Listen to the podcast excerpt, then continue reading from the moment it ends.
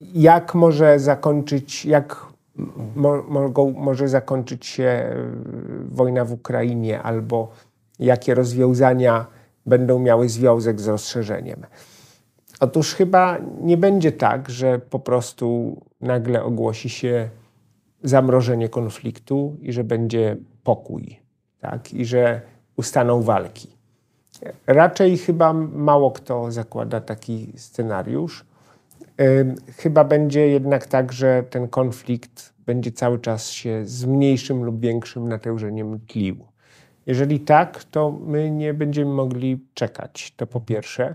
Po drugie, nie widzę takiej przeszkody, żeby z punktu widzenia prawnego y, ta część Ukrainy, nad którą Ukraina sprawuje realną kontrolę, żeby przystąpiła do Unii mhm. Europejskiej, mhm. a nawet do NATO. I, y, I po jakimś czasie, jeżeli Ukraina odzyska swoją pełną integralność terytorialną w granicach z 1991 roku, pozostała część y, przystąpi do tego NATO czy do Unii Europejskiej mhm. później.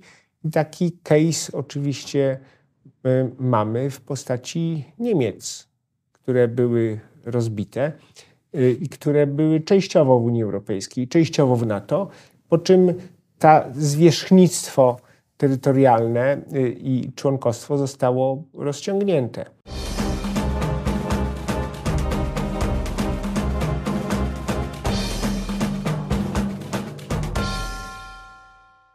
Dzień dobry Państwu.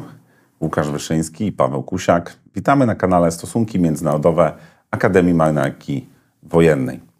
Jesteśmy na początku roku 2024, więc siłą rzeczy zadajemy sobie bardzo wiele pytań, jaki ten rok będzie. Jaki będzie w światowej polityce?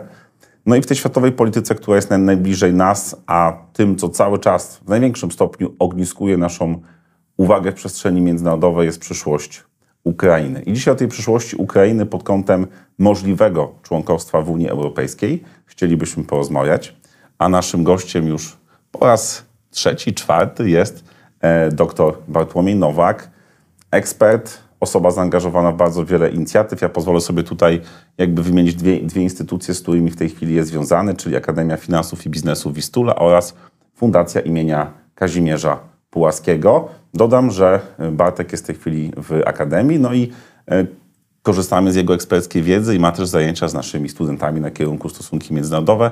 Bartku, bardzo się cieszymy, że możemy Ciebie gościć po raz e, kolejny i że zgodziłeś się z nami na rozmowę. Bardzo dziękuję za zaproszenie i do wykładania, i do rozmowy. W ostatnich latach e, w kontekście rosyjskiej inwazji na Ukrainę bardzo często podnoszony był temat możliwego dołączenia Ukrainy do Unii Europejskiej. Wręcz e, w tym rozwiązaniu upatrywano pewną szansę na trwałe rozwiązanie tego problemu związanego z architekturą bezpieczeństwa tego regionu. Dziś, kiedy patrzymy na sytuację na Ukrainie, y, nie jest ona tak optymistyczna, jak wydawało się to jeszcze kilka miesięcy temu, już nawet rok temu. Y, I mniej mówi się o dołączeniu Ukrainy do Unii Europejskiej. Tu chciałem Cię zapytać, czy uważasz, że jest szansa na to, żeby Ukraina w dającej się przewidzieć perspektywie stała się członkiem Unii Europejskiej? I co musi się stać, żeby Ukraina do Unii mogła dołączyć. Ja bym się trochę nie zgodził z tezą, że mniej mówi się o członkostwie Ukrainy w Unii Europejskiej, wręcz odwrotnie. Y, to, co ja dostrzegam, to po pierwsze radykalną, ale radykalną zmianę myślenia przywódców europejskich o rozszerzeniu na wschód. Bo to sprawa dotyczy nie tylko Ukrainy, jeżeli chodzi o wschód, dotyczy również Mołdowy, i tę perspektywę członkostwa ma otwartą Gruzja. Po spełnieniu konkretnych warunków będzie mogła rozpocząć negocjacje akcesyjne. Więc to jest, to jest po pierwsze, to będzie duże rozszerzenie. Po drugie, to, co się rzuca w oczy w całej retoryce przywódców europejskich, ale też we wszystkich dokumentach strategicznych, które dotyczą rozszerzenia i we wszystkich konkluzjach Rady Europejskiej, to jest element, którego nie było przy rozszerzeniu 2004-2007, e, czyli tego, w którym Polska uczestniczyła. E, to jest element geostrategiczny. To znaczy, wszyscy uważają, że jest geostrategiczna potrzeba eksportu stabilności y, i jest to warunek, jest to warunek czegoś, co, co kiedyś w różnych definicjach nazywaliśmy pewną suwerennością strategiczną, budowania, nie tylko, budowania całego obszaru bezpieczeństwa wokół Europy. Y, to już nie chodzi tylko o rozszerzenie, że jakiś kraj chce się przyłączyć do Europy. To zmienia geograficzną definicję Unii Europejskiej, to zmienia obecność Unii y, na, na kontynencie i w całym świecie. I ten wymiar jest bardzo widoczny w zasadzie właśnie w każdym dokumencie, w, w, całej, w całej tej dyskusji. I on jest bardzo mocno dyskutowany y, właśnie na Zachodzie, ku mojemu zdziwieniu nie aż tak bardzo tutaj u nas w Polsce i Polska na razie jeszcze marnuje tą szansę na, na kształtowanie polityki rozszerzenia. Więc gdybym się miał zakładać, to bym powiedział, że Ukraina będzie członkiem Unii Europejskiej. Nie wiemy, kiedy to się stanie i też nie wiemy, jak będzie wyglądał sam proces rozszerzenia. Dlatego, że teraz taką absolutnie kluczową sprawą jest to, w jaki sposób y, zmienić reguły rozszerzenia. Y, bo jeżeli Ukraina ma wejść, a jest to gospodarka i społeczeństwo w stanie wojny, to dotychczasowe reguły nie będą mogły być y, aplikowalne, bo po prostu są za słabe. Dlatego rozmawiamy dzisiaj ta rozmowa, przynajmniej na Zachodzie, bo jeszcze nie u nas, jest naprawdę zaawansowana na temat stopniowego rozszerzania i na temat włączania Ukrainy i Mołdowy, być może w przyszłości Gruzji, y, stopniowego włączania w kolejne polityki Unii Europejskiej, zaczynając od członkostwa w rynku wewnętrznym, mhm. poprzez dostęp do budżetu Unii Europejskiej. Dla przypomnienia, na rozszerzenie, w którym uczestniczyła Polska, nie było żadnych dodatkowych pieniędzy. Agenda 2000, na, która, która jakby była kluczowym dokumentem dla, dla tego rozszerzenia wtedy, ona y, gospodarowała pieniędzmi, które były po prostu już w unijnym budżecie. Nie było żadnych ekstra pieniędzy w związku z rozszerzeniem. Fundusze FARE też były gdzieś tam poprzesuwane z różnych półek, do których mieliśmy dostęp i były bardzo małe. U nas gro środków popłynął dopiero po rozszerzeniu. A Polska się przystosowała, bo jej tak bardzo zależało. Mhm. Tutaj ten proces, żeby był skuteczny, musi wyglądać inaczej, ze względu na to, że jest to gospodarka wojenna y, w okresie wojny. I y, chodzi o to, żeby Ukrainę włączyć w pewne polityki jeszcze zanim sfinalizujemy rozszerzenie. Więc y, y, trzeba będzie bardzo dużej inwencji, Y, mhm. Również tego, w jaki sposób y, reform, nie tylko reformować proces rozszerzenia, ale w jaki sposób dostosowywać Unię. I ta dyskusja jest i ona jest bardzo mocno obecna. Czy to nie ukrywam, że w tym momencie rodzi mi się bardzo, bardzo wiele pytań. No takich pytań trochę jakbym wszedł w rolę adwokata diabła, no bo Ukraina tego rozszerzenia potrzebuje i jakby my zawsze myślimy, co potrzebuje Ukraina, żeby była bezpieczna i stabilna. Ale ty powiedziałeś, i moim zdaniem to jest y, bardzo ważne, żeby to podkreślić, że to Europa potrzebuje też większej stabilności, więc to rozszerzenie nie jest tylko dla tego państwa. To rozszerzenie jest tak naprawdę w interesie całej, całej Europy. No tylko to rozszerzenie wiąże się z przekazaniem środków finansowych, wiąże się, tak jak powiedziałeś, może z, z taką akcesją stopniową, włączanie w pewne polityki. Za tym wszystkim będzie, będzie musiał pójść kapitał. Kapitał, który będzie chciał, który będzie miał potencjalnie inwestować. Pierwsze moje pytanie. Czy uważasz, że w ogóle bez jakiegokolwiek porozumienia, zamrożenia, nawet nie chcę już mówić o, o yy, podpisaniu pokoju z Federacją Rosyjską, jest możliwe, żeby ten proces się rozpoczął? Znaczy, żeby Ukraina w jakimś momencie zaczęła być członkiem Unii Europejskiej, nawet częściowo, ale nadal prowadząc wojnę. No i też drugie takie pytanie, e, które akurat myśmy z Pawłem zadawali, będąc ostatnio w Stanach Zjednoczonych. Najpierw Unia Europejska, czy najpierw NATO? No jakby dostawaliśmy dość prostą odpowiedź. Oczywiście to nie jest y, perspektywa wszystkich elit, tylko i wyłącznie naszych rozmówców, że no ciężko sobie wyobrazić Ukrainę w Unii Europejskiej, czyli w sojuszu politycznym, ekonomicznym. Bez gwarancji bezpieczeństwa. Bez, bez, bez, bez tych twardych gwarancji bezpieczeństwa. Może zacznę od tego drugiego pytania. To jest takie pytanie, czy najpierw NATO, czy, czy najpierw Unia Europejska, które po pierwsze dzieli przywódców europejskich co do sekwencji tego procesu. I tu jest taki podział, a Polska niestety nie przedstawia żadnego wyraźnego stanowiska w tej sprawie, nie prowadzi na dzień dzisiejszy żadnej kampanii. Mam nadzieję, że się to zmieni. Natomiast tak, problemem, jeżeli chodzi o NATO i problemem ostatniego szczytu w Wilnie, y, były jednak Stany Zjednoczone. Gdyby to zależało tylko od europejskich członków NATO, to prawdopodobnie Ukraina dostałaby zaproszenie. Może Niemcy, ale Niemcy podejrzewam, że, że daliby się przekonać. Problemem były Stany Zjednoczone. Więc tutaj ciężko powiedzieć, jak ten problem będzie wyglądał w przyszłości. Ja nie oczekuję, chyba że Ukraina dostanie takie zaproszenie na jubileuszowym szczycie NATO w Waszyngtonie. Natomiast może się też zmienić przywództwo w Stanach Zjednoczonych i wtedy raczej to się nie wydarzy. Więc zaproszenie dla Ukrainy. Więc gdybyśmy warunkowali członkostwo w Unii e, zaproszeniem do NATO, to prawdopodobnie byłoby to bardzo ryzykowne. Natomiast e, ja nie widzę powodu, dla którego mielibyśmy nie posuwać procesu rozszerzenia do przodu, aż do, mam nadzieję, szczęśliwego finału bez członkostwa w NATO.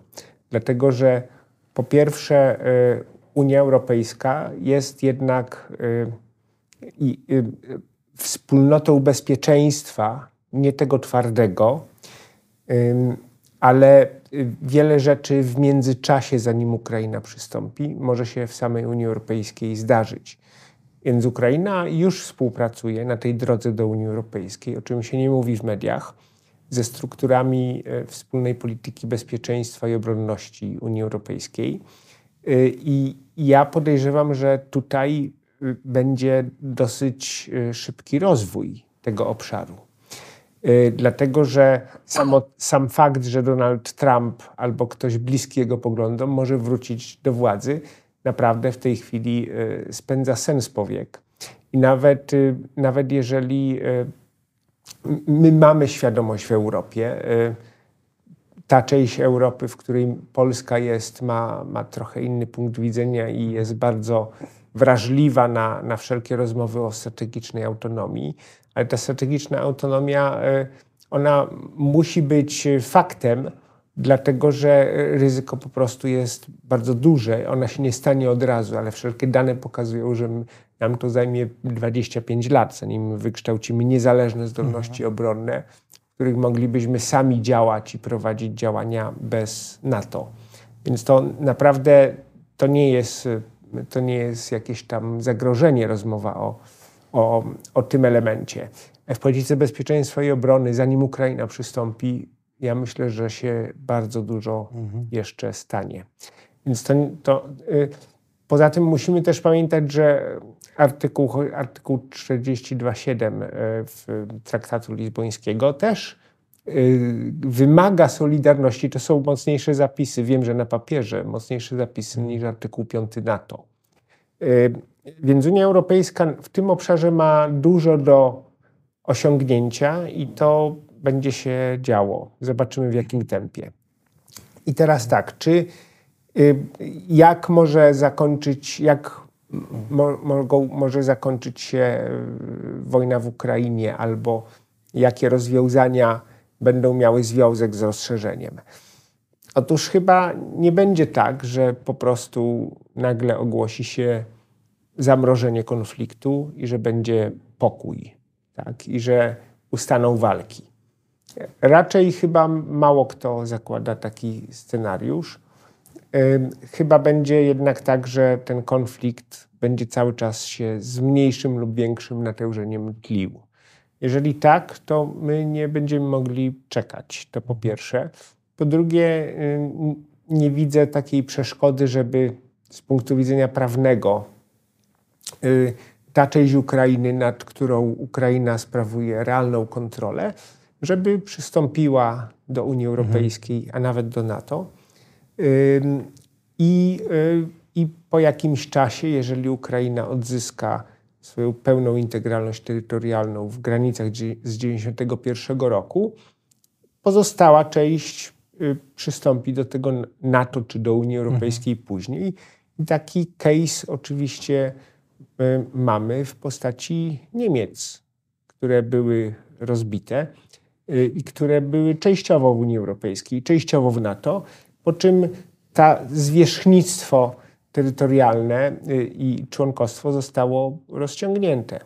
Y, tutaj y, ta różnica jest taka, że w Ukrainie pewnie będzie ten konflikt trwał, ale też musimy zdawać sobie sprawę, zobaczmy, co się dzieje dzisiaj na, na naszych oczach. Ukraina podpisuje traktat bezpieczeństwa z Wielką Brytanią, podpisuje z Kanadą, za chwilę podpiszę z Francją. Czekam, gdzie jest Polska. E, więc, więc to nie jest tak, że nic się w tej sprawie nie dzieje.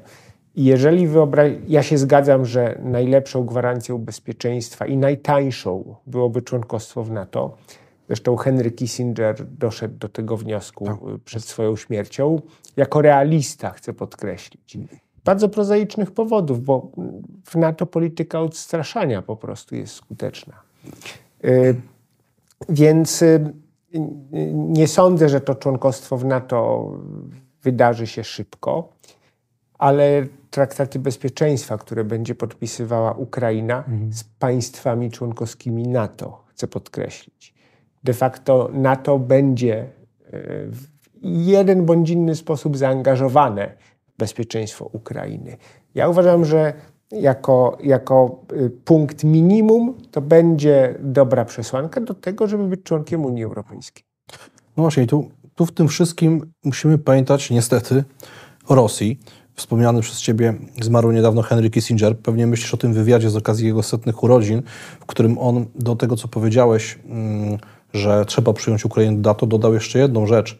Powiedział o tym przeskoku wyobraźni, przeskoku myśli, że trzeba wypracować nową formułę relacji z Rosją, bo on do, to, on do tego dodał, że musimy dokonać dwóch przeskoków.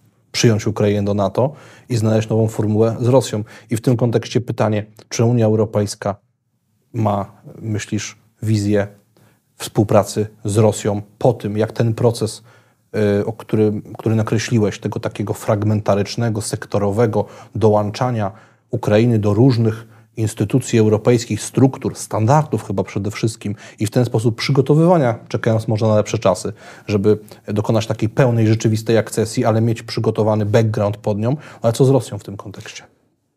Relacje z Rosją nie zależą od nas, tylko od Rosji.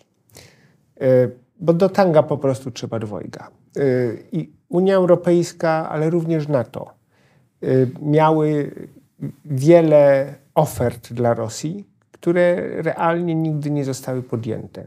Sam Zachód y, też miał kilka takich momentów, w których ta współpraca z Rosją mogła być lepsza. Chociażby po ataku terrorystycznym na Stany Zjednoczone, kiedy to Putin pierwszy zadzwonił do, do prezydenta Busha i rzeczywiście zaoferował pomoc.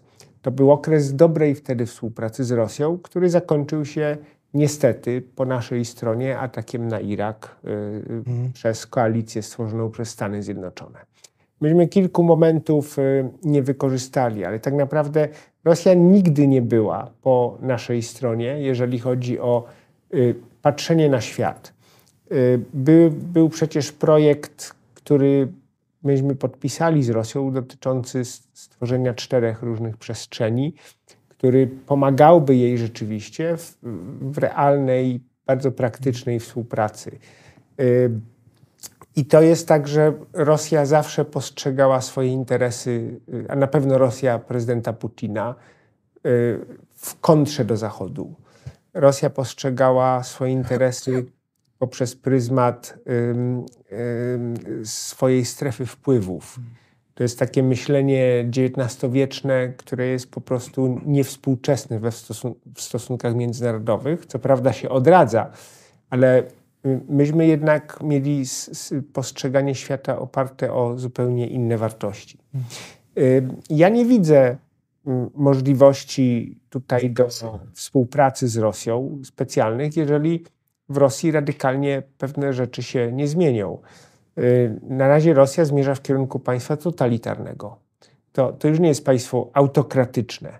To jest państwo, w którym nie można swobodnie powiedzieć, że wojna jest zła, y, bo się idzie do więzienia pod zupełnie błahym pretekstem. Więc y, ja nie widzę y, możliwości współpracy z Rosją na dzień dzisiejszy taką, jaka ona jest. Warunkiem współpracy z Rosją jest upadek Putina, który wcześniej czy później nastąpi, bądź to w wyniku naturalnej po prostu śmierci, bądź bądź e, coś się stanie w Rosji, ale za, za Putina no, pomyślcie sobie w ten sposób. Putin przekroczył wszelkie możliwe granice, które mógł przekroczyć. E, ma w pogardzie w zasadzie wszystkie takie podstawowe wartości, które są jednak fundamentalne w stosunkach międzynarodowych. Mówienie o jakichkolwiek modelach współpracy z kimś takim jest po prostu bez sensu. Y, współpraca też zakłada, że y, te dwie strony muszą działać w dobrej wierze. Putin na pewno nie działa w dobrej wierze i na pewno będzie robił, skoro już tyle zaryzykował, on już nie ma wyjścia, więc y, myślę, że nie, nie widzę tutaj możliwości i nie wymagam też pomysłu. Natomiast ważne, żeby jeżeli zmiany jakieś nastąpią w Rosji, to y, żeby, do, żeby być na nie gotowym, to wymaga bardzo radykalnych zmian. To jeżeli mogę teraz cofnąć się do tego, co powiedziałeś y, w odpowiedzi na pierwsze pytanie Pawła y, i to, co jakby też ja później podniosłem jeszcze w moim pytaniu, to znaczy, że rozszerzenie Unii Europejskiej o Ukrainę, Mołdowę, może w przyszłości Gruzję, to jest interes Unii Europejskiej jako pewnej wspólnoty państw, wspólnoty politycznej, no mimo wszystko wspólnoty, która przed tą nową odsłoną wojny na Ukrainie no różnie oceniała relacje z Federacją Rosyjską. Część sprowadziła to do, do poziomu interesów. Część, przede wszystkim Niemcy, wierzyły, że przez te interesy będzie można zbudować właśnie jakiś typ relacji z Federacją Rosyjską, no, który wprowadzi pewną stabilność. Część państw, w tym Polska, e, miała na to zupełnie, zupełnie inne, e, znaczy miała zupełnie inny, inny punkt widzenia. I moje pytanie jest następujące. Rozszerzenie Unii Europejskiej o Ukrainie jest w interesie Unii Europejskiej. Jak Unia Europejska, jako właśnie wspólnota jednak różnych państw, definiuje ten interes? Co, jaka jest wartość dodana, poza tym, że jakby miało, miałoby to wpływać na stabilizację sytuacji bezpieczeństwa? Czy nie jest trochę tak, że państwa będą patrzyły na to w ten sposób? No Polska, oczywiście, zależy nam na bezpieczeństwie, ale no jaki będzie wpływ Ukrainy na wewnętrzny rynek Unii Europejskiej. To jest trochę tak jak Francuzi, Niemcy, prawda? Yy, I tamtejsze społeczeństwa, rolnicy, przedsiębiorcy stawiali pytanie, co będzie, jak przyłączymy do Unii Europejskiej Polskę. No, tutaj stawką jest pokój i bezpieczeństwo. To po mhm. pierwsze, bo Unia jest projektem pokojowym yy, i to jest, no to jest takie ewidentne, tak? że to jest coś że samo rozszerzenie Unii Europejskiej jest gwarancją bezpieczeństwa. Brak tego rozszerzenia będzie gwarancją destabilizacji. Tak, jeżeli mamy jakiś w ogóle dobry wybór w tej sytuacji, to jest posuwanie rozszerzenia do przodu z tego prostego pokoju, że chcemy mieć stabilność na naszym kontynencie, nawet daleko od, od optimum. Tak? I to jest, to jest taka kluczowa rzecz. Y, Unia, jeżeli gdzieś y, w, w relacjach jeszcze z Rosją, bo, bo to, jest, mhm. to jest ciekawe, w jaki sposób Unia definiuje swoje interesy. I ja uważam, że może nie do końca słuszne było. Był taki moment przed pierwszą, y, przed rewolucją godności na Majdanie. Wtedy Ukraińcy wyszli po raz drugi zresztą i umierali z flagami Unii Europejskiej. Ale rzecz dotyczyła porozumienia handlowego z Unią Europejską, stowarzyszeniowego i pogłębionej strefy wolnego handlu, którą Janukowicz zaszantażowany przez Putina y, zdecydował się w ostatniej chwili nie podpisać. I Ukraińcy wyszli, bo dla nich to był pewien wybór cywilizacyjny. Gdyby Putin, y, gdyby Putin miał obok siebie Ukrainę, która odniosła sukces i która, która nie jest państwem skorumpowanym, oligarchicznym, która pokazuje, że y, takie państwo z dawnego świata rosyjskiej strefy wpływów może odnieść sukces, to, to Putin miałby Majdan niedługo u siebie, bo Rosjanie by też zaczęli pytać, dlaczego my nie możemy, a Ukraińcy mogą. I pytanie, jakie tutaj są e, interesy Unii i jak je pogodzić. Y, Słusznie powiedziałeś o tym, że jest wiele problemów na tej drodze Ukrainy, dlatego że Ukraina ma niektóre obszary y, wysoce konkurencyjne, chociażby w stosunku do Polski. Y, Więc reform będzie wymagała zarówno wspólna polityka rolna, której nie stać w dzisiejszej postaci na, na, na taką pomoc Ukrainie, y, jak i polityka spójności. Natomiast to jest trochę tak, że mm, prezydent Kwaśniewski mi przytoczył kiedyś taką, taką anegdotę, jak jechał lobbować w Hiszpanii jeszcze przed wejściem Polski do Unii Europejskiej. Miał kolację u króla i e, król go zapytał, panie prezydencie, jak mam przekonywać Hiszpanów, no skoro my tutaj fundusze spójności tracimy i, i no, mamy problem. Jak mam przekonywać do tego, żeby zaakceptowali polskie przystąpienie do Unii Europejskiej? I Kwaśniewski odpowiedział bardzo prosto, bo teraz jest nasza kolej. Bo wyście już swój sukces osiągnęli i my też po prostu chcemy być na tej drodze. Y, Więc teraz jest kolej Ukrainy i Polska jakoś tam będzie się musiała y, posunąć na ławce. Co nie znaczy, że my, my, my strategicznie na tym możemy bardzo skorzystać. Pod kątem tego, że Ukraina, Unia się uwschadnia, y, przesuwa na wschód. To jest nowy projekt w ogóle geograficznie będzie. I, też przy stanie naszych relacji, zakładając, że one będą dobre, my możemy naprawdę, Ukraina jest dużym krajem, możemy mieć niezłą ilość głosów e, razem we wszelkich głosowaniach. Ale to jest ten taki aspekt, który jest trudno przekładalny, kiedy dochodzi do konfliktu interesów, który widzieliśmy zarówno jeśli chodzi o sektor transportowy, jak i rolnictwo. Ale proszę zauważyć, że te, te dwa takie mini kryzysy w relacjach z Ukrainą wyniknęły z tego, że po prostu rząd polski nic nie robił i w ogóle nie podejmował problemu. Ten problem, oba te problemy można było zażegnać, one wynikały z, z, po prostu z naszej y, indolencji i, i braku profesjonalnego podejścia. Tak? To można było znacznie wcześniej rozwiązać i my z wyprzedzeniem możemy dokładnie powiedzieć, w których, w których obszarach y, te konflikty wystąpią, ale na przykład w rolnictwie oba państwa mogą skorzystać, bo Ukraina jest wysoce konkurencyjna, ale ma słaby, słaby sektor przetwórczy. Jeżeli by Polska strategicznie podeszła do współpracy w dziedzinie rolnictwa z Ukrainą, my mamy bardzo mocne przetwórstwo, tak? To naprawdę możemy, wszyscy możemy na tym, na tym skorzystać, tylko po prostu trzeba dużo wyobraźni. Ym, i, natomiast powiem tak, rol, y, rolą Polski jest jednak także próba, to Polska powinna przedstawiać pewne dokumenty, pewne założenia od, odnośnie tego, jak integrować Ukrainę. Na razie do, wszystkie propozycje, wszystkie szacunki budżetowe, a do tej pory pojawiły się trzy różne dokumenty niezależnych ośrodków analitycznych i one nie pochodziły z Polski. Tak? Czyli, czyli y, te szacunki już są wstępne. Polska wcale nie musi stać się płatnikiem netto do unijnego budżetu y, według tych szacunków, które są dostępne. Natomiast dobrze by było, żeby Polska też zaczęła pracować w, w tym zakresie i przedstawiała jakieś koncepcje, bo na razie nic nie ma. Tak jak mówiliśmy, traktacje bezpieczeństwa podpisują inni, a nie my.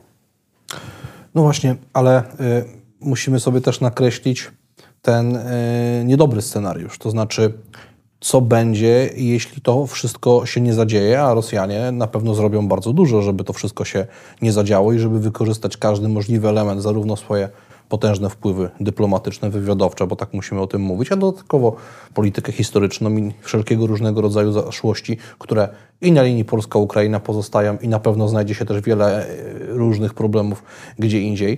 To znaczy, co się stanie, jeśli my nie, jeśli Unia Europejska no, nie poradzi sobie z tym wyzwaniem i jaki świat, jaka Europa nas czeka? Tak. To, to, to może, może inaczej, jeżeli rozpatrujemy takie negatywne scenariusze, to e, tu są w najbliższych miesiącach dwa podstawowe znaki zapytania, czyli o, o finansowanie i o wsparcie Ukrainy po stronie Stanów Zjednoczonych, gdzie z tego co wiem, te 60 miliardów, na które Ukraina czeka, rozłożone na lata, żeby była mhm. jasność. I to nie wygląda dobrze na dzień dzisiejszy. I 50 e, miliardów y, plus, plus jeszcze dodatkowe pieniądze poza tymi 50 mhm. miliardami e, na, z funduszu obronnego dla państw, które wysyłają broń do Ukrainy. E, I tutaj to wygląda trochę lepiej. Znaczy szanse na to, że po stronie, że Unia dopełni swoich e, obietnic się znacząco zwiększają. Węgry są w zasadzie wyizolowane już w tej chwili. I wydaje się, że Orban powoli pęka i jakiś kompromis tutaj się na dzień dzisiejszy zarysowuje, z tym, że 1 lutego y, możemy mieć dobre wieści w tym zakresie. Y, y, no gorzej jest właśnie ze, ze Stanami Zjednoczonymi. I jeżeli by tak było, to jeżeli by Ukraina nie dostała tego wsparcia, mhm. to po prostu będzie tak, że się będzie wykrwawiać. I z czasem jest ryzyko, że Rosja po prostu, mając gospodarkę w stanie wojennym i przeprowadzając powszechną mobilizację po wyborach prezydenckich, yy, przeważy. I wtedy, I wtedy ten scenariusz yy, podejrzewam, że, że nagle by się wszyscy obudzili tutaj i w Europie, i w Stanach, pewnie też niezależnie od tego, czy byłby Trump u władzy, czy, czy administracja Joe Bidena, ale, ale to może być e, za późno, więc to jest ten negatywny, e, negatywny scenariusz. Natomiast pytanie też, czy, czy czego potrzeba, czego potrzeba Rosji, bo na, na, dzień dzisiejszy, zakładając jakąś kontynuację tego, co się dzieje, to, to ja raczej nie widzę takiej możliwości, żeby jedna lub druga strona się zasadniczo przełamała front. Mhm. Eksperci mówią podobnie, tak? Tak, i, i Ukraińcy, i Rosjanie się, się okopują y, mocno, więc, y, więc y, tutaj, tutaj, jeżeli Ukraina będzie miała wsparcie, ono jest cały czas nie, niewystarczające, ale to, to nie powinno się nic takiego stać. No pytanie będzie, no jednak to jest potężny problem, jeżeli Ukraina straci jedną piątą terytorium. A... I de facto ograniczony dostęp do morza. Tak, tak, tak. No więc, e, a teraz jakby wrócę do tego scenariusza optymistycznego. Mhm. Wyobraźmy sobie, że przywódcy Unii Europejskiej, instytucje Unii Europejskiej rozpoczynają proces akcesji Ukrainy. Mm, oczywiście nie, nie za jednym razem, ale jakby już jest e, politycznie, można powiedzieć, przesądzone, że, że Unia Europejska się na to zdecydowała. Oczywiście odpowiedzialność pewnie będzie też przerzucona na stronę ukraińską, ale ten proces będzie się toczył. Jak Twoim zdaniem tego typu działanie byłoby odebrane w Waszyngtonie i Pekinie? Ale on już się toczy. Y, przecież rozpoczęliśmy negocjacje i dzisiaj prezydent Zełęński y, y, razem z Ursulą von der Leyen ogłosili kolejny krok w, w, w, tych negocjacjach, czyli tak zwany screening czyli przegląd y, porównawczy prawa ukraińskiego i prawa Unii Europejskiej. Dla przypomnienia, y, Polska musiała dostosować się do 90 tysięcy stron unijnego AKI. Teraz tego AKI jest y, więcej. Mhm. Więc screening właśnie służy temu, żeby porównać, gdzie są różnice, co trzeba jeszcze zrobić. I później Ukraina po prostu będzie negocjowała okresy przejściowe. E, to nie są negocjacje, to nie jest tak, że będzie tak zwane cherry picking, czyli wybieranie wisienek, wisienek z tortu. Ukraina musi, musi przyjąć całe AKI mhm. unijne, prawo i nie będzie miała taryfy ulgowej. Bo, I też nie jest w jej interesie, chcę podkreślić, aby miała taryfę ulgową, bo po pierwsze w interesie Ukrainy jest, aby się radykalnie szybko reformowała, a to wiemy, że jest możliwe w Ukrainie. Bo, bo Ukraina się zreformowała w ostatnim czasie szybciej niż Polska się reformowała na drodze do Unii. Tak. Y, więc to jest w interesie Ukrainy, a po drugie Ukraina y, też nie będzie miała, nie powinna mieć taryfy ulgowej, bo to będzie argument dla krajów takich jak Węgry, czy mhm być może Fico, chociaż Fico jest bardzo chwiejny. Dzisiaj też przecież ogłosił, że możliwy jest eksport broni z, ze Słowacji.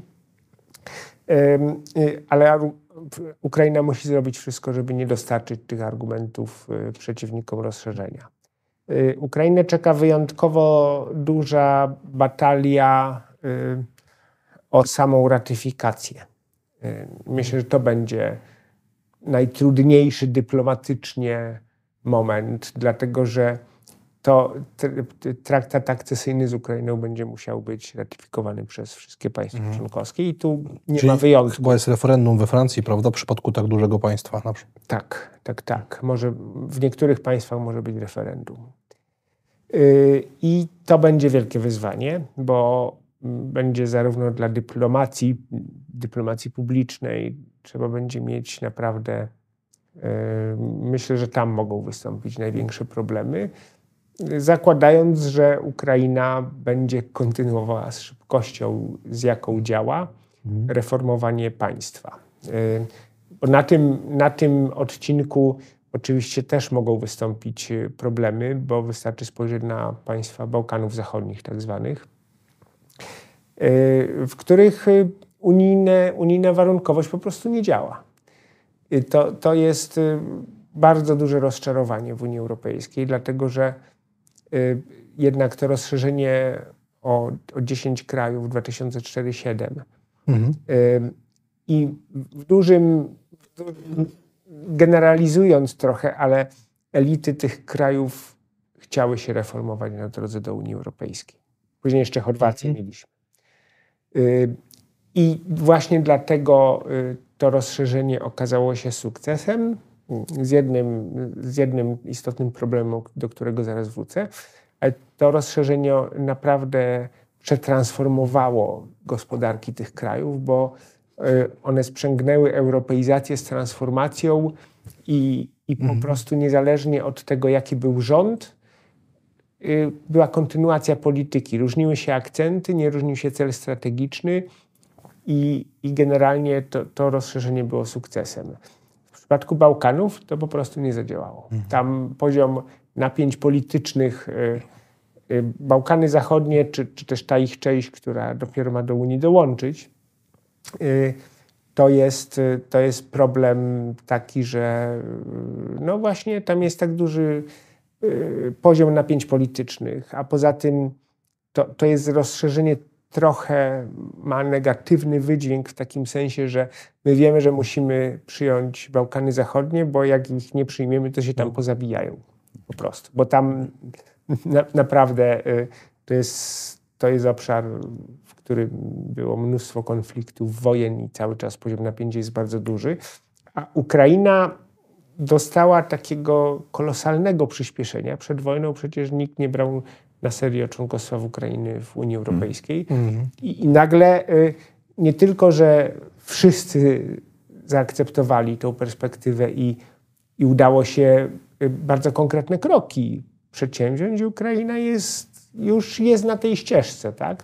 To jest tylko pytanie, jak szybko jej to się uda zrobić, ale też tempo reform, które podjęła Ukraina jako państwo w stanie wojny, było nieprawdopodobne i nieporównywalne z żadnym innym krajem, który był objęty y, procesem rozszerzenia w no, przeszłości. No, czyli jakby tutaj rzeczywiście to moje, to, moje, to moje pytanie nie było w takim razie y, do końca poprawne, ale jeżeli mogę je lekko zmodyfikować, to jak na ten proces w tej chwili Twoim zdaniem patrzy się w Pekinie i w Waszyngtonie? Czy to jest postrzegane właśnie jako próba dochodzenia do tego, o czym mówiłeś, czyli pewnej autonomii strategicznej w długiej perspektywie czasu, tak? czyli budowania pewnego modelu włączającego jak najwięcej podmiotów, które będą wpływały na nasze środowisko bezpieczeństwa, no bo potencjalnie Unia Europejska z Ukrainą może mieć większą autonomię, jeżeli chodzi o produkcję rolną. Będzie miała zupełnie inny współczynnik y, demograficzny. Tak jak powiedziałeś, Unia Europejska rozwija się w kierunku wschodnim, czyli w jakimś sensie no jest to na kursie kolizyjnym nie tylko z Federacją Rosyjską, ale także e, z koncepcją rozwoju polityki Chin. No i też czy Stany Zjednoczone nie upatują w tym swego rodzaju zagrożenia, no bo jeżeli na, na kontynencie europejskim słyszy się głosy, że w Stanach Zjednoczonych Donald Trump, ale myślę, że też przedstawiciele e, e, amerykańskiej administracji no, będą chcieli wrócić do tych rozmów, jakie są realne nakłady na siły zbrojne, ile my wkładamy na siły zbrojne, a ile bierzemy tak naprawdę dla tego bezpieczeństwa.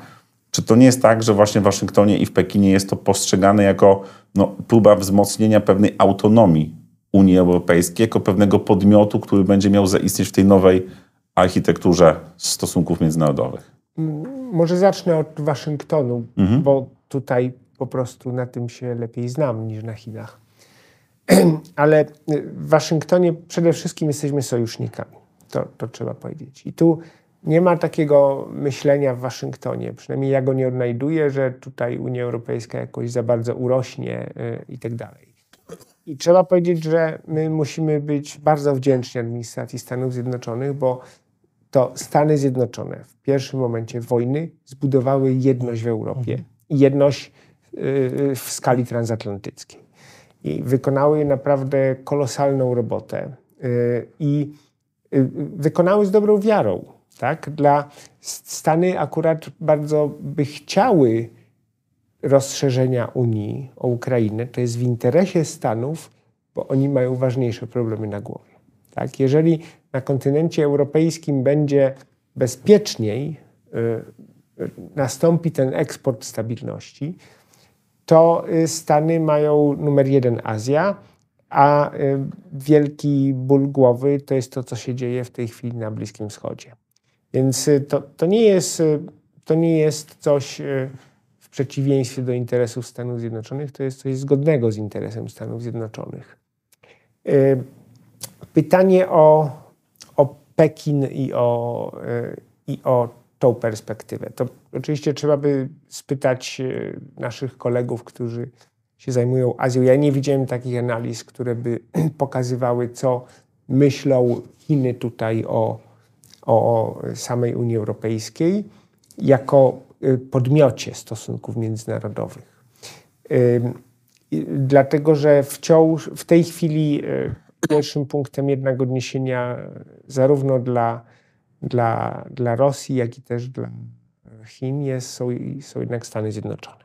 Y, I myślę, że, że Chiny dopiero nauczyły się postrzegać Unię Europejską jako, jako podmiot w stosunkach międzynarodowych i, i na pewno już jest rozwinięta analiza chińska y, w tej dziedzinie, ale głównie w dziedzinie gospodarczej.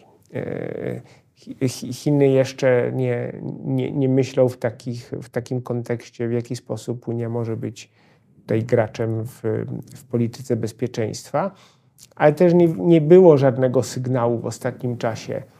Y, podczas jednak regularnych kontaktów z administracją chińską, y, żeby rozmawiać o, o takiej podmiotowości tutaj Unii Europejskiej. W Davos w tej chwili było takie trochę zderzenie różnych wizji, bo to Unia Europejska mówiła o Ursula von der Leyen, o walce demokracji z autokracją na świecie, o tym definiowała Unię w kategoriach takich geopolitycznych a Chiny mówiły głównie o gospodarce, o, o współpracy mhm. i, i, tak dalej, z wielu powodów.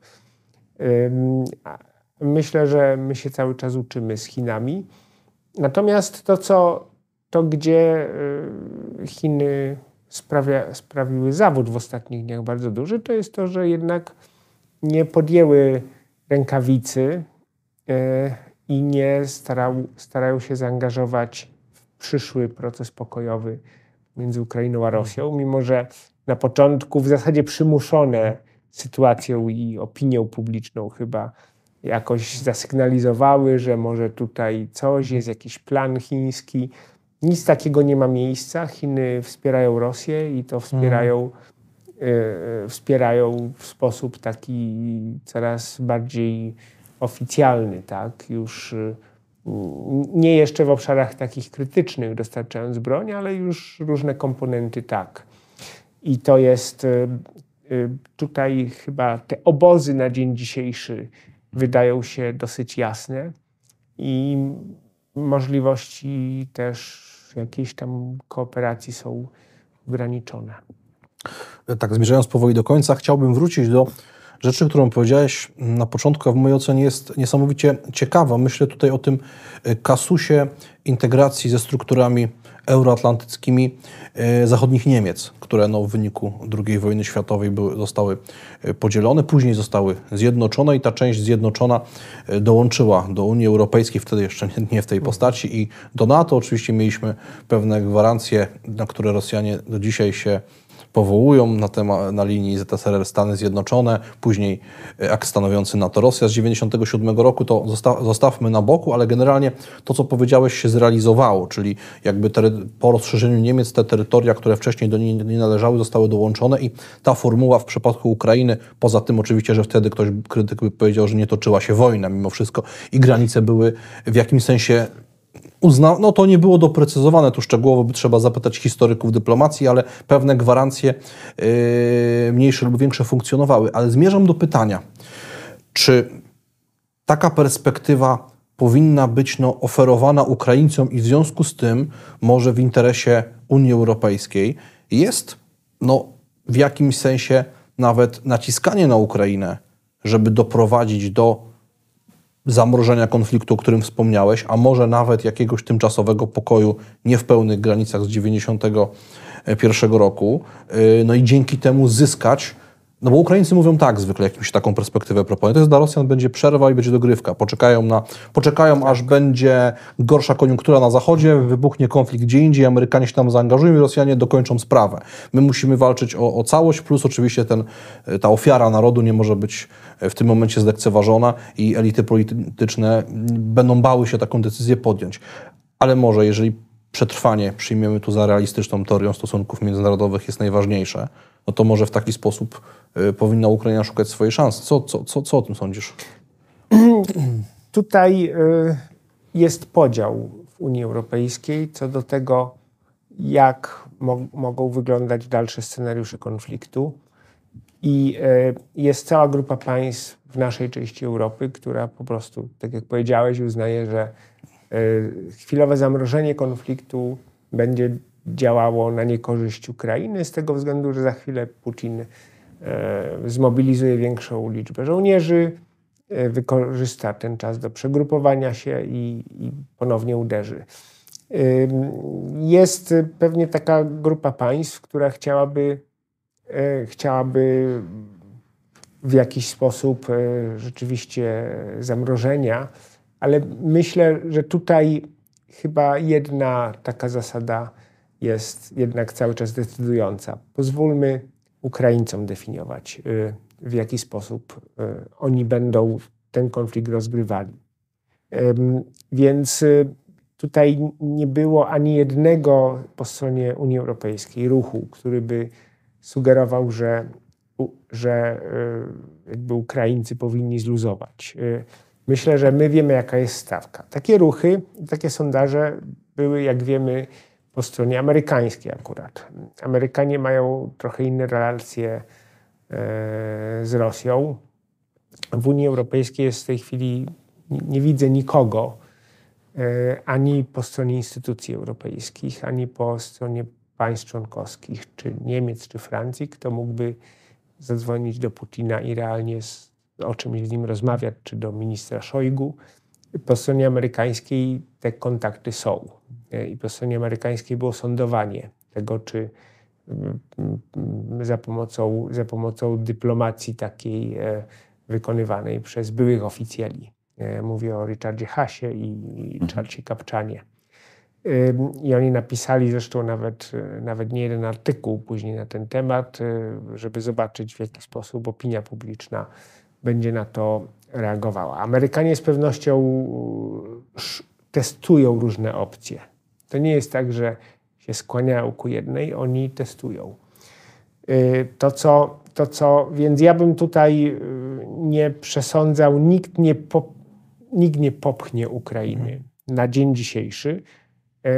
Osobą, która zadeklarowała, że będzie chciała pchać Ukrainę do takich rozwiązań jest Donald Trump. Mhm. I e, podejrzewam, że chciałby to zrobić w taki sposób, że najpierw em, zmniejszyć zdecydowanie wsparcie dla Ukrainy, albo w ogóle obciąć. W ogóle obciąć byłoby ryzykowne pewnie dla niego, ale wystarczy, że zmniejszy wsparcie dla Ukrainy i wtedy liczy na to, że Ukraina będzie bardziej skłonna do rozmów o rozwiązaniu pokojowym. Myślę, że taki jest y, u niego mechanizm, ale no jeszcze Donald Trump przy władzy nie jest. Y, Poza tym on też ma jednak to do siebie, że jest y, kompletnie nieprzewidywalnym politykiem. I ja podam bardzo prosty fakt. To nie Barack Obama i administracja Baracka Obamy, ale administracja Donalda Trumpa wysyłała śmiercionośną broń Ukrainie po zajęciu Krymu.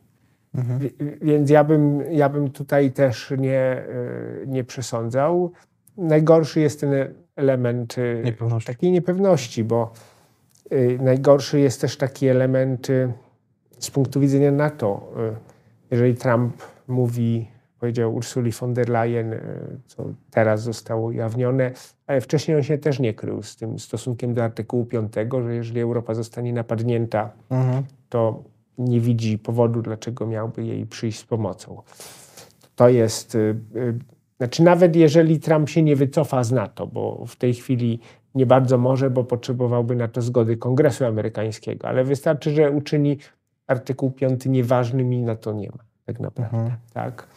Ym, Natomiast y, zwrócę też uwagę, że tutaj te dynamiki są rzeczywiście bardzo ciekawe i ten dokument niemiecki, w którym Niemcy testują, co by się, co by się stało, gdyby jeden ze scenariuszy, gdyby państwo NATO zostało zaatakowane. On jest, ma dużo niespójności w sobie, żeby była jasność. Te scenariusze tam budowane są, to można na każd- w wielu elementach po prostu zakwestionować ich jakąś tam logikę, ale to myślenie jest, że, że ta wojna y, może być blisko nas, jeżeli Ukraina nie, nie przetrwa jako suwerenne państwo, y, to po prostu my będziemy mieli Putina na granicach. I to będzie zupełnie inna rozmowa wtedy.